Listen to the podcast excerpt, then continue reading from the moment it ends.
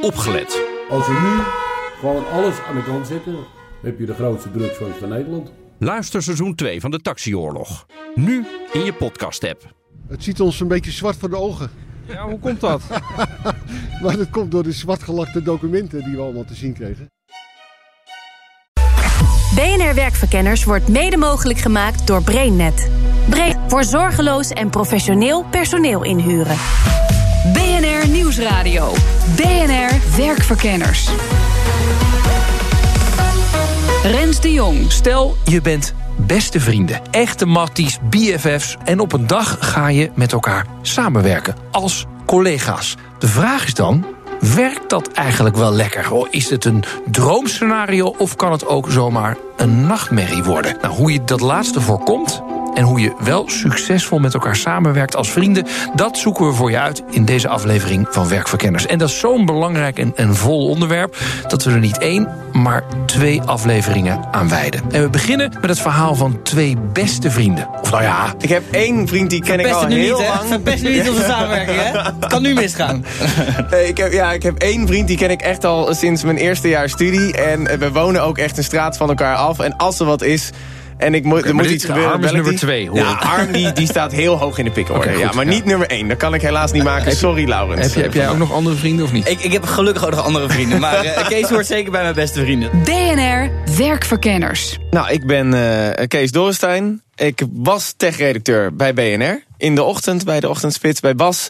En ik ben nu eh, radio-dj op Slam. Samen met eh, een goede vriend, Harm den Beste. Harm? Wie ik ben? Ik ben eh, Harm den Beste. Ik ben eh, 23 jaar oud. En ik heb ooit radio gemaakt bij 3FM. Toen even gestopt met radio.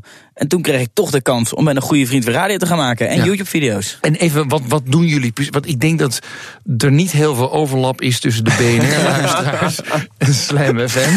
Wat is wel belangrijk misschien, is wel slam. Oh, ik mag niet meer Slam FM ja, zeggen. Dan, worden, worden, dan worden mensen gelinst, dus kijk uit. Nee, Sorry, dus deze ou- oude bok praat nog uit de tijd dat het Slam FM heette. Oké, Slam. Ehm, Leg even uit. Wij eh, eh, maken eh, s s'avonds elke avond een eh, programma tussen 10 en 12. En wij maken elke week ook eh, eh, YouTube-video's. ehm, of van ons programma zelf. Of gewoon een beetje een twist op het nieuws. eh, gewoon met, een- met een knipoog. Grappige, leuke video's. Harm, hoe lang kennen jullie elkaar al? Wij kennen elkaar, eh, ik denk sinds mijn 18, dus denk ik een jaar of vijf, denk ik ongeveer. En dat kwam omdat we toen werkten we allebei bij, bij BNN. En het is een soort van uit nood geboren, want we werkten allebei in het weekend. En ja, dan wil je toch op een gegeven moment gaan stappen. Dus dat was dan maandagavond. En aangezien Kees een weekendprogramma had en ik, toen dachten we, nou, dan gaan we maar op maandagavond stappen. En zo, eh, zo is een vriendschap geboren. Ja, en is dat echt een hele hechte vriendschap, Kees? Nou, zeker. Ja, het, is, eh, het grappige was vanaf Waar blijkt dat moment, dan uit? Nou, dat ik, ik weet wel alles wat, her, wat er bij hem speelt, als het ware. En, eh, en het blijkt ook dat. Ja, het, het, is nu ook heel hecht omdat we, eh, wat is het, 60, 70 uur in de week met elkaar opgeschreven zitten. Ik zie Kees vaker dan zijn vriendin. Ja, en dat- zo is het ook Ja, gewoon. ik krijg nog wel eens klachten van mijn vriendin. Ja. Maar even kijken, toen jullie eh, de vriendschap hadden, eh, dat was uit het werk geboren, maar jullie werden, gingen ergens anders werken. Ja. En die vriendschap is gebleven. Ja, zeker. Maar het grappige was, we werkten eigenlijk niet echt samen. Het was toevallig, we waren collega's. Ja. Maar we hadden ook niet heel veel met elkaar eh, van doen. Maar we dachten wel, ja, dat is de enige manier om nog even een biertje te drinken door de week. Nou, dat was die maandag. En, ehm, en eigenlijk toen we ook ergens anders naartoe gingen, toen bleef dat gewoon. Alleen dan werd het vaker in het weekend, omdat ik door de week ging werken en hij ook. Dus die vriendschap die was er eigenlijk al heel lang. Voor echt, eigenlijk wel, nou wat is het, vier jaar zoiets voordat we echt samen überhaupt dingen Ja. gingen doen. Op een gegeven moment zijn jullie YouTube-video's gaan maken. Ja. Een beetje uit een soort van, god, zullen wij eens wat doen op vrijdagmiddag? Of hoe ging dat, Harm? Nou, eh, het was als volgt. Ik eh, was gestopt met radio maken, maar ik had wel het idee van ik wil echt iets creëren. En toen dacht ik, ik start een vlog. En ja, Kees, mm, vloggen is het, het delen van je leven. En Kees, ja, dat was een goede vriend van mij, dus die kwam vaak in die video's. En daaruit kwam ook wel een soort visie. Ja, ja, maar moeten we niet nog iets anders maken, behalve vlogs? Want dat is nogal, ja, nogal standaard. En toen bedachten we, ja, we moeten willen wat andere video's maken. Zijn we heel lang gaan brainstormen. En toen op een gegeven moment kwam daar de hype, de vloer is lava. Dat was afgelopen zomer. Dan roep je tegen iemand, de floor is lava. En dan moet je zo snel Springen, mogelijk... toch? Ja, met je voeten van de vloer. gaan hangen, ja. Precies, dat soort dingen. En we hadden wel geluk dat we op het, op het juiste moment eigenlijk... eh, kwam Kees een beetje met het idee van... ja, moeten we dat niet op straat of zo gaan doen? En toen dachten we, nou, we gaan gewoon met een camera naar mensen toe... en we roepen, de vloer is lava. En op het moment dat we dat deden, toen Eh, en we hadden die video gepost. Toen ontplofte net een beetje die hype. En toen hadden we het geluk dat die video lekker scoorde. En eh, zo kwam Slam dan weer bij ons uit. Want die zagen, hey, die zagen die video in één keer opduiken. Ehm, in dat samenwerken toen, hè, was dat altijd makkelijk? Of heb je dan, hoe werkt zoiets? Nee, ja, dat was eigenlijk heel erg, eh, heel erg makkelijk. Want we, we hadden al zoiets van, we willen een videoserie gaan starten. Uiteindelijk werd het dit, maar we hadden meerdere plannen. En we dachten gewoon, weet je wat, wij maken onze vrijdagmiddag altijd vrij om eh, met elkaar eh, koffie te gaan drinken en ideeën te bedenken. Om gewoon te kijken wat kunnen wij uiteindelijk straks ook als, als bijna misschien als een soort van bedrijfje op den duur laten ontwikkelen. Maar in ieder geval voor de korte termijn video's kunnen Enige maken. oneenigheid of gaat dat altijd in, in harmonie? zoiets? Nou ja, dat, dat was. Kijk, want het was altijd gewoon een lekkere vrijdag waar je gewoon ging brainstormen. Dus je, je, je, had- je hebt alle vrijheid om alles te doen. Dus dat ging eigenlijk wel gewoon heel lekker. Ja, en ik denk het belang- belangrijke was, er zat geen druk op, hè? Want er was er ook geen einddatum van dan moest iets online. Of er zat geen baas boven die zei van, eh er moet, eh, die, die ons salaris betaalde. Het was allemaal gewoon, ja, we zien wel. Dan komt Slam langs. Ja. Lange onderhandelingen, Nou ja, ja. Nou ja. Tesla's heen en weer. Ja, Tesla, Zo gaat toch bij radioprogramma's? Ja, ja, ja, bij ons zeker, ja. Oké, en nu opeens maken jullie samen dus dagelijks een radioprogramma. Ehm, geef mij even aan, Harm, wat de impact daarvan is op jullie vriendschap. Nou, echt wel heel groot. Ik vind het, eh, het toffe eraan is dat je. Ik, ik, ik, ik denk dat ik nog nooit iemand zo goed leer kennen dan, dan nu. Omdat je bent non-stop bij elkaar. Eh, maar iemand is gewoon niet eh, zeven dagen per week, 24 uur per dag bijspreken. eh, zit lekker in zijn vel of zo. Dus ook mindere momenten, dat even iemand zijn dag niet heeft, die zijn er ook. En ja, dan, daar moet je wel even aan wennen dat je iemand dat niet altijd kwalijk kan nemen. Dus ik, Goed, geef eens een voorbeeld. nou ja, ja, god. ik, ik zeg maar wat. Als ik een kaart, kaartweekend bewezen stappen of zo. En maandag zit ik er nog niet zo lekker in. En Kees komt met een superleuk idee aan. Maar en ik reageer er een beetje mat op. eh, omdat ik gewoon eh, brak nog ben van het weekend, bij wijze van spreken. Ehm, ja, dan, dan zegt dat natuurlijk niks over het geweldige idee van Kees. Eh, maar dan zal hij dat mij misschien wel een beetje kwalijk nemen. Terwijl ja, dat, dat Is hoort dat een beetje Kees? bij het Heb je- leven. heb je Nou, dat- nou, ja, zeker. En daar hebben we ook wel eens een keer echt wel ruzie over gehad hoor. Over. ehm, dat, maar hetzelfde geldt dan bij mij. Dat ik een beetje in mijn kritische modus zit. Dat ik het gewoon nog net, net niet hoor. En dan komt hij met een idee. En dan ga ik alleen maar een beetje ook. Als de, als, als de journalist eh, gewoon een beetje zagen. En hoe denk je dan over dat? En hoe denk je dan over dat? En dan denk je, ja, hallo, maar het is nog niet een compleet idee. We moeten daarover verder denken. Ja, en dan, dan krijg je wel struggelingen. Want dan kom ik daarna met een idee. En dan, dan zegt hij, nou ja, ik voel me ook niet, niet zo per se. Zo. Maar dat komt gewoon jullie- dat je dan in zo'n modus komt. Ja, hebben jullie er van tevoren over gesproken? Dat je denkt, hey, jongens, we hebben een mooie vriendschap. Hè? We- Top drie vrienden van elkaar, zeker. Ehm, we gaan nu iets aan wat eh, potentieel eh, het kan versterken... maar het kan het ook compleet eh, naar de gruzelementen helpen. Ja, nou, aan het begin, ik, ik kijk heel even naar Harm aan de overkant. Maar ik, ja, aan het begin hebben we het daar eigenlijk niet echt over gehad. Dachten we vooral Nee. van, yes, we mogen als vrienden mogen dit Oké, maar je hebt er niet over gehad, maar dat betekent niet... heb ik wel eens geleerd... dat één iemand er niet over nagedacht heeft. Nou, wat ik wel heel erg had, is ik was. eh, ik wilde ooit heel graag radio-dj worden. En toen was ik radio-dj bij 3FM. Maar daar was ik een beetje in teleurgesteld. Omdat ik had er iets te veel van verwacht. Dus was ik ermee gestopt. En nu was het weer dat ik, dat ik eigenlijk weer geen radio maken. Maar omdat het eerder al een beetje mislukt was, had ik juist de verwachtingen zo laag mogelijk gesteld. Van het is ook gewoon een baan, het is ook gewoon. Waardoor het alleen maar mee kon vallen. Ja. Dus dat speelde misschien voor mij wel een beetje mee. En daarin had ik wel van. Oh ja, het wordt nu ook wel heel erg leuk omdat het met een vriend is. Ja, maar niet, je hebt nooit gedacht, 1 van jullie twee, van we moeten het er misschien wel eens even over hebben. Nou, wat ja. voor een impact dit kan Nou, hebben. ik dacht, ik dacht vooral, maar dat had ik heel erg bij mezelf. Van, we moeten dit nu wel laten slagen. Want op het moment, het is eigenlijk alsof je een soort van. Je gaat echt een contract met elkaar aan. Een soort van klein bedrijfje met elkaar aan, alleen dan binnen een groot bedrijf. En als je. mm, eh, als je daar eigenlijk, als een van de twee faalt, dan neemt hij de ander, trekt hij eigenlijk mee. Want dan Ja. is het gewoon klaar. ja. Dus daar ook ik, over. Nou ja, Ja, dat, nou, dat- zou, dat, nou ja, zou dat- dat zijn. Stel je voor, jullie carrière bij Slam mislukt. Is de vriendschap dan ook over? Nou, ik, ik, Ja, ik denk denk het niet. niet, maar nee. ik denk dat het ook ervan afhangt op welke manier het overgaat. Ik bedoel, als, je, eh, als eh, de een de andere, wat er echt niet van uitgaat. Maar stel je voor, de een die zegt gewoon van ik ben al helemaal klaar met jou en stop nu. Ja, dan moet dat op een of andere manier wel weer goed gepraat worden. Maar ja. Ja. Nou is dat gelukkig nog niet aan de orde. Maar als vrienden samenwerken heeft wel zo zijn uitdagingen. Wat ik echt heb gemerkt is als je, ehm, eh, als je vrienden bent, tegen je vrienden zeg je direct van. eh, hey, pik, wat flik je nou? Eh, ook als je, in de, als stel je staat gewoon in de kroeg... Dan, en je bent met je vrienden en één, één van je vrienden die, eh, die is echt met iets geks bezig in, in zijn leven. Nou, dan ben jij wel een slechte vriend als jij niet zegt... hey, waar je nu mee bezig bent, dat is gewoon echt kut. Je moet dit, aan, je moet dit aanpakken. En Ja. eh, het erge is, als je dat op, eh, op je werk of binnen een bedrijf gaat doen... met vrienden, dan doe je exact hetzelfde. Alleen dan is het ehm, dat je echt... Je bent eigenlijk extra kritisch op elkaar. Tegen collega's doe je nog wel eens een soort van diplomatiek... omdat je weet, hé, hey, daar moet ik nog lang mee samenwerken. Ja, maar, of, of je hebt het ook niet door bij collega's. Nee. Ik kan bij- bij Kees soms in één blik zien van... oh, hij denkt er dat over. Ja, kut. Als vrienden samenwerken, dan betekent dat dus ook harde kritiek over en weer. Is dat nou goed? Nou, daarvoor roep ik de hulp in van een expert. Ik ben Tosca Gort, arbeidsorganisatiepsychologe, oprichter, eigenaar van Gort Coaching. En volgens Tosca is het een goed teken dat Harm en Kees zo hard tegen elkaar zijn. Als je die vorm van vriendschap hebt, en dat heeft niet iedereen, Oh ja. maar als je die vorm van vriendschap hebt, is dat natuurlijk super effectief. Maar het vergt een hoge vorm van persoonlijke ontwikkeling om dat aan te kunnen. Wat bedoel je dan? Nou ja, je moet wel wat aankunnen als mens. Niet iedereen kan dat aan. Dus sommige mensen hebben gewoon in hun persoonlijkheid, maar ook in hun leven gewoon een, een weg gekozen waarin ze een beetje conflictmijdend zijn, niet dingen echt uitspreken. En dat is prima. Er is echt niks mis mee. Dat is fantastisch. Echter creëer je daar dus op die andere kant soms wat problemen mee. Ja, want het zou ook kunnen. eh, je kunt ook kritiek op elkaar uitspreken om elkaar te beschadigen. Bedoel Ja, zeker. Ja, dus het is echt, er zit echt een verschil tussen van... ga je nu dingen uitspreken omdat je echt oprecht het beter wil met de ander... Of is dit, een, ja, is dit echt om de ander kapot te maken? En jij voelt altijd aan, dat is hetzelfde met die leidinggevende en die eh, werknemer, dus die verhouding.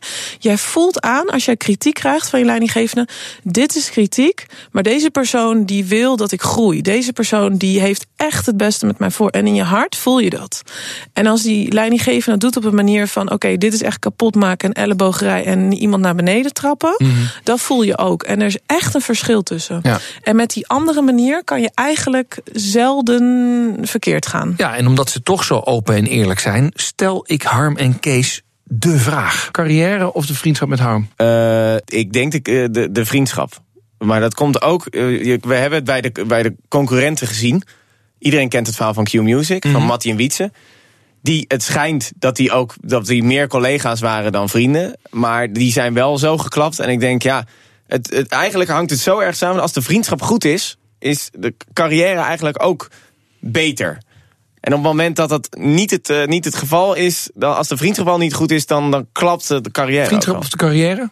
Ja, vriendschap, want ik denk dat anders, zit het ook, anders gaat het ook niet werken. En ook als je de vriendschap voorop stelt, blijft het nog knap lastig om samen te werken. Dat in de volgende aflevering. En zometeen ga ik zelf met de billen bloot en vertel ik over mijn eigen ervaringen, mijn eigen vrienden waarmee ik samenwerkte. Eh, en dat is niet altijd makkelijk geweest. BNR Nieuwsradio. BNR Werkverkenners. We hebben het in deze aflevering over samenwerken met je vrienden. En ik moet zeggen, dat onderwerp komt ook een beetje van mij vandaan. Want ik heb er zelf ook ervaring mee. In de begintijd van BNR, toen het nog Business Nieuws Radio heette... ontstond er op de werkvloer een zeer hechte vriendschap. Ik durf het eigenlijk niet zo goed te vragen, maar is het heel onaardig wat er dan gezegd wordt, of niet? Nee, ik wil het ook niet weten. Nee. Nou, nee, vertel, ik ben wel benieuwd. Nee, nee, ja, maar het- ik weet, ja, we weten niet. Het korte antwoord is ja. Het is heel onaardig wat er verteld wordt. Ik ben Koen de Recht, tegenwoordig verslaggever research bij RTL Nieuws. En ik heb zeven jaar bij BNR Nieuwsradio gewerkt. Peter van Zadelhof, presentator bij RTL Nieuws en RTL Z. En ik heb eh, zeven jaar ook bij BNR gewerkt. Eh, Ik ben Rens de Jong en ik ehm, presenteer nog steeds bij BNR. En dat doe ik, denk ik, al 18 jaar. Wauw. Ja, ja dat denk ik wel. Ja, verdomd ja. Omdat dit interview ook gaat over mij, eh, heb ik het woord overgelaten aan Paulien, de eindredacteur van dit programma. En we beginnen bij het begin. Wie werkt als eerste bij BNR? Was ik dat? Ik denk jij. Ja, ja, Echt? als, jij als freelancer. Oh, oké. Heb ik jullie zien binnenkomen? Ik kwam als laatste in ieder geval. Jij had nog lang haar. Zo'n Ja? sluik, sluik lang haar. Ja, dat weet ik nog. Wauw. Rokend op de tussenverdieping. Oh ja, dat komt toen dat, nog, be- hè? ja, dat beeld heb ik nog zo voor me. Chesterfield. Ja. Ehm, ja, nee, ik was de eerste die. Ik ben de enige die. De eerste die aangenomen is als, eh, bij, als BNR. Toen had je ook nog haar, überhaupt. Ik was verslaggever uh, algemeen, werd ik aangenomen in 2000. En toen werkte jij al freelance ja, uh, voor, voor, bij AT5 en bij BNR. Dat was de eerste die contract had. En, en, jij was toen al binnen of nog niet binnen? Nee, ik kwam later. Ik kwam, uh, wat was het, in september 2002? 1? augustus 2001 ben ik oh, begonnen. Ja. Oh, dat was wel een lekker rustige nieuwsperiode. Ja, want toen in september gebeurde er niks. September, 11 september 2001 nee. gebeurde er niks. Nee, nee toen, uh, ja, ik kwam toen van de beurs. Oh ja. En hebben je nog een soort blijvende eerste indruk van elkaar? En jij ziet Peter dan rokend op de tussenverdieping. Ja, en uh, nee, de, nou, niet echt de eerste indruk. Ik weet wel dat we redelijk snel, ik weet niet hoe dat is gegroeid eigenlijk, maar redelijk snel, redelijk uh, intensief met het station bezig waren. Ik denk in een café dat dat gegroeid is. Ja, dat denk ik ook, ja. Ja, de BNR was natuurlijk nog niet zo groot als tegenwoordig. Niet dat het nu enorm is, maar toen waren er maar nou, twaalf man of zo, weet je wel. Mm -hmm. um, en je werkte gewoon heel intensief samen. Dus als je dan een, een dienst had gehad, dan ging je daarna ging je de kroeg in. En als het dan klikte, ja, dan werd je vanzelf snel vrienden natuurlijk. Dus het ging vrij snel. Maar had ik ook peren jong. Ik was 22 toen ik ging werken bij BNR. Jij was toen 24. Zoiets, ja. Dan heb je natuurlijk nog heel veel dorst. En dan uh, ga je tijd. tijd ook. tijd. Ja, precies. En waar heb je het dan over in de kroeg? BNR. Altijd over BNR. Alleen, Alleen maar, over, maar BNR. over, BNR. Gezellig. Ja. Nou, dat was het wel, ja. ja. Nee, wat we al heel snel deden is, uh, we pakten een bierveeltje erbij. En dan gingen we klokken maken over hoe het uur dan ingedeeld moest worden. Dus nee, dan beginnen we met uh, weer en dan verkeer en dan uh, drie minuten nieuws. En dan gaan we het eerste item doen en dan de reclame. En we eindeloos veel bierveeltjes Ik, ik heb gemaakt. nog zo'n bierveeltje ja? thuis liggen. Ja, ik heb wow. er nog eentje. Ja. ja, want BNM werd, werd gemaakt van 20 minuten radio. We geven je 20 minuten en dan krijg je van ons de wereld. Dat was het idee. En wij hadden dan allemaal ideeën over hoe je dat veel efficiënter en beter en mooier zou kunnen doen. En wie er allemaal weg moest bij BNR. Want die kon het allemaal echt niet. Dat was echt vreselijk. Ja. Ontzettend onaardig toen eigenlijk. Oh, ja. Als je dat ja, terugkijkt. Ja, ja. Maar hoe was dat dan voor de rest van de redactie? vreselijk. Ook dat. Ja. Nou, dat werd, dat werd naarmate de jaren verstreken natuurlijk erger. In het begin was iedereen gewoon los kanon. En gingen, gingen, gingen we allemaal helemaal, uh, helemaal los. Um, en later, toen we in 2004 volgens mij hier naartoe gingen... naar het huidige pand waar BNN nu zit, dus werd alles veel professioneler. Ja, toen kwamen ook veel andere mensen bij. Maar wij gingen gewoon nog steeds door met nou, harde grappen, veel schreeuwen. En, uh, BNR leven ongeveer. Ja, ja, weet je wel. En, en heel veel mensen die daarbij kwamen, die waren een beetje zo beduust van wat is dit? Maar ja, wij gingen gewoon door met, met de terreur. Nou, het was niet alleen, maar het was, het was wel allemaal goed bedoeld, vond ik. Het was wel, we, we eisten wel, dat vond ik het gekke eraan. We eisten wel een soort totale commitment van iedereen die bij BNR werkte. Van ja, het kan toch niet zo zijn dat als je naar huis gaat. Dat je dan stopt met nadenken over BNR. Überhaupt naar huis Als gaan. sowieso naar huis. En, en, en in het weekend hoort het ook door te gaan. En op, ik weet nog dat we. Volgens mij was dat inderdaad net na 9-11, toen Afghanistan werd binnengevallen. Zaten wij in Papen-eiland met z'n drieën. Dat is een café. Dat is een café. En uh, toen kregen we een sms'je nog binnen. En van ja, ze zijn begonnen, we bombarderen. Ik geloof dat onze vriendinnen hebben afgerekend. Dus die hebben later gezegd, ja, wij hebben maar betaald, want jullie hebben dat geweigerd te doen. En we zijn naar de studio gereden. En dat vonden we, ja, oh ja tuurlijk, weet je, dat ga je doen. En die, um, ik heb wel later wel eens gedacht van, dat was wel gek dat we het zo eisten van iedereen. Ja, wij accepteerden niet dat het voor andere mensen een gewone baan was. Of zo. Ja. Dat, Ja. uh, Maar ging de vriendschap dan ook alleen maar over BNR? Of was het daarbuiten ook? ja, het begon natuurlijk wel heel erg met BNR. Maar dat breidt zich later wel uit. Want later ga je meer doen. Gingen we weg en zo samen. Nog een keer oud en nieuw herinneren. Toen waren, toen waren er al wat kinderen, geloof ik Ja. zelfs. Dat was al later. Ja. Ehm, een keer in België, de Ardennen nog. Daar komen we straks misschien nog op. Toen ging iemand solliciteren voor het adjunct hoofdredacteurschap. Hoef het verder niet over te hebben hier hoor. Maar, ehm, eh, dus dan ging je wel meer doen. Wij gingen op een gegeven moment ook naar Ajax, Rens en ik. Ja. Dus eh, ja, je gaat dan daarna wel meer dingen doen. Maar BNR was wel echt de, de kern. En, en in die tijd, wie deed toen wat? Want jij was algemeen verslaggever, Koen. Ik werkte op de financiële redactie. En ik was na een tijdje presentator. En, en hoe ging toen de samenwerking? Was het dan lastig dat je vrienden bent en dat je dan als verslaggever moet zeggen tegen presentator: Oh, je kondigde mijn reportage helemaal verkeerd aan? Of inderdaad, als presentator zegt: Ah, Peter. Nee, geen moment eigenlijk. cursus. Nee. nee. Het Nee, ging heel goed, niet. omdat we ook allemaal wat anders deden. Eh, en we stonden niet in een hiërarchische verhouding tot elkaar. We hadden ook weinig verantwoordelijkheden natuurlijk, behalve Ja. je werk goed doen. Ja. Dus en we waren er allemaal zo op gefocust om BNR het beste te laten zijn wat, ze kon, wat het kon zijn. Dat ja, we waren ook mega eerlijk, weet je wel. Van, eh, nou, ik vond jouw presentatie daar niet zo heel goed. Oh, dat had ook wel scherper gekund.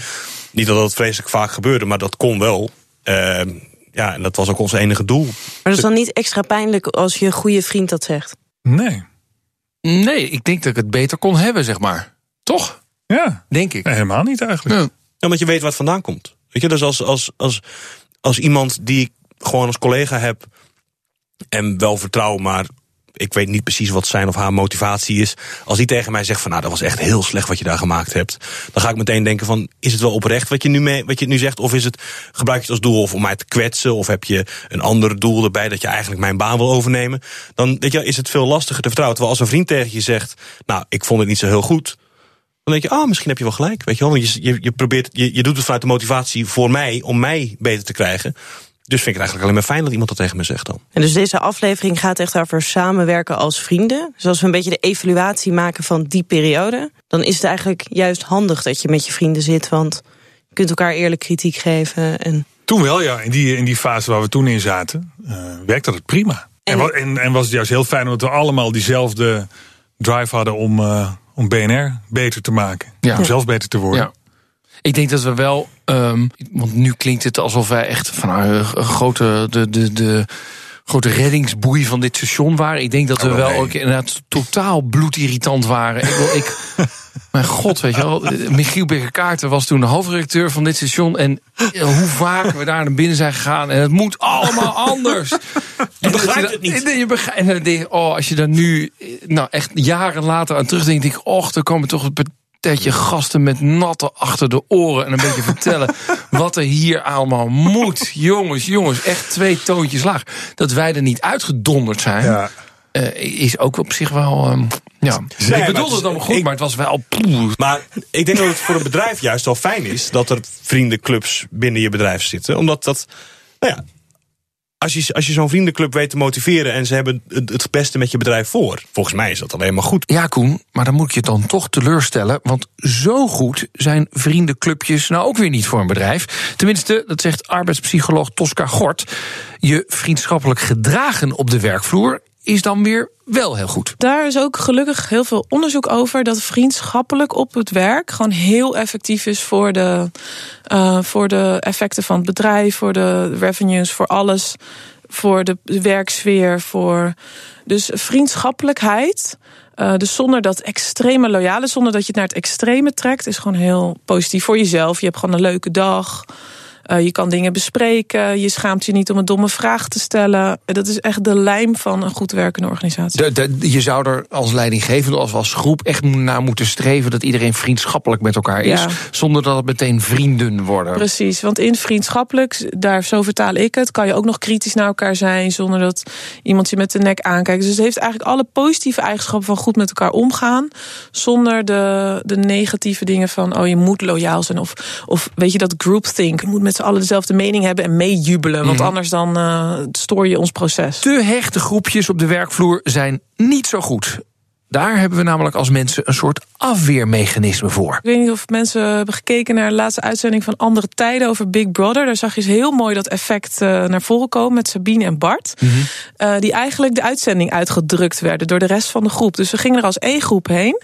En ineens werden twee een stelletje. Ja, dat is niet de bedoeling. Nee. En dan werden Sabine en Bart werden keurig door de rest van de groep genomineerd om eruit gestemd te worden. Om weer dat groepsproces naar, naar te halen. Dus ja, er zijn effecten, daar moet je echt rekening mee houden. Als je dus een apart groepje wordt binnen een groep, is dat dus een risico, want je wordt gewoon verstoten. Maar stel dat jij de grotere groep bent, dus alleen maar Bartjes en Sabine, zeg ja. maar. Dus jij bent de dominante groep. Dan kan je dus ook weer effecten krijgen, zoals roddelen. Um, weer dat groupthink wat naar voren komt. Zo van, nou, ons tegen de rest. En dat is dus eigenlijk wat je niet wil. Oeh, man. Ja, het is pittig, hè? Het is, nou ja, omdat het is een vak. Ja, het is een vak. Ja, en het is zo lastig, weet je. Er zit, het is een soort te, te, Jekyll en Hyde. Er zitten ja. heel veel positieve effecten aan. Ja, maar als het net even een kritische massa overgaat... kan er gewoon van allerlei effecten gebeuren... die je denkt, oeh, dit trekt ja. het weer helemaal naar beneden. Ja, daarom moet je het eigenlijk een beetje op een normaalverdeling zien. Er is gewoon heel veel in het midden eigenlijk, wat oké okay is. Ook al waait het uit naar links of naar rechts of naar boven of naar beneden. Het zijn alleen de staartjes, dus de uitwassen... waar je echt rekening mee moet houden en waar je op moet ingrijpen. Dit issue, wat als uh, je vrienden ook je collega's zijn. Is dat iets wat speelt? Of... Nou, dat is wel iets wat speelt. Ik, ik gooi dit ook even in de groep. Want ik zit in zo'n ondernemersclub. Zo van, goh, hoe denken jullie eraan? Want ik merk dat daar veel partners, vaak mannen, gaan ook samenwerken met elkaar als vrienden. Um, van wat speelt er nou? En het komt wel echt veel voor. En er zit ook wel specifieke problematiek omheen. Dus ik heb even ook wat onderzoek uitgediept. Ik vond het wel echt leuk om te zien dat er wel echt veel tips te geven zijn. En die tips van Tosca, die komen in de volgende aflevering. Want het bleef geen roze geur en maneschijn tussen mij, Koen en Peter. Uh, en ook bij Harm en Kees werd de vriendschap op de proef gesteld. Abonneer je dus vooral op deze podcast, dan mis je helemaal niets. BNR Werkverkenners wordt mede mogelijk gemaakt door BrainNet. BrainNet voor zorgeloos en professioneel personeel inhuren. Ook Bas van Werven vind je in de BNR-app. Ja, je kunt live naar mij en Iwan luisteren tijdens de ochtendspits. Je krijgt een melding van Breaking News. En niet alleen onze podcast Ochtendnieuws, maar alle BNR-podcasts vind je in de app. Download nu de gratis BNR-app en blijf scherp.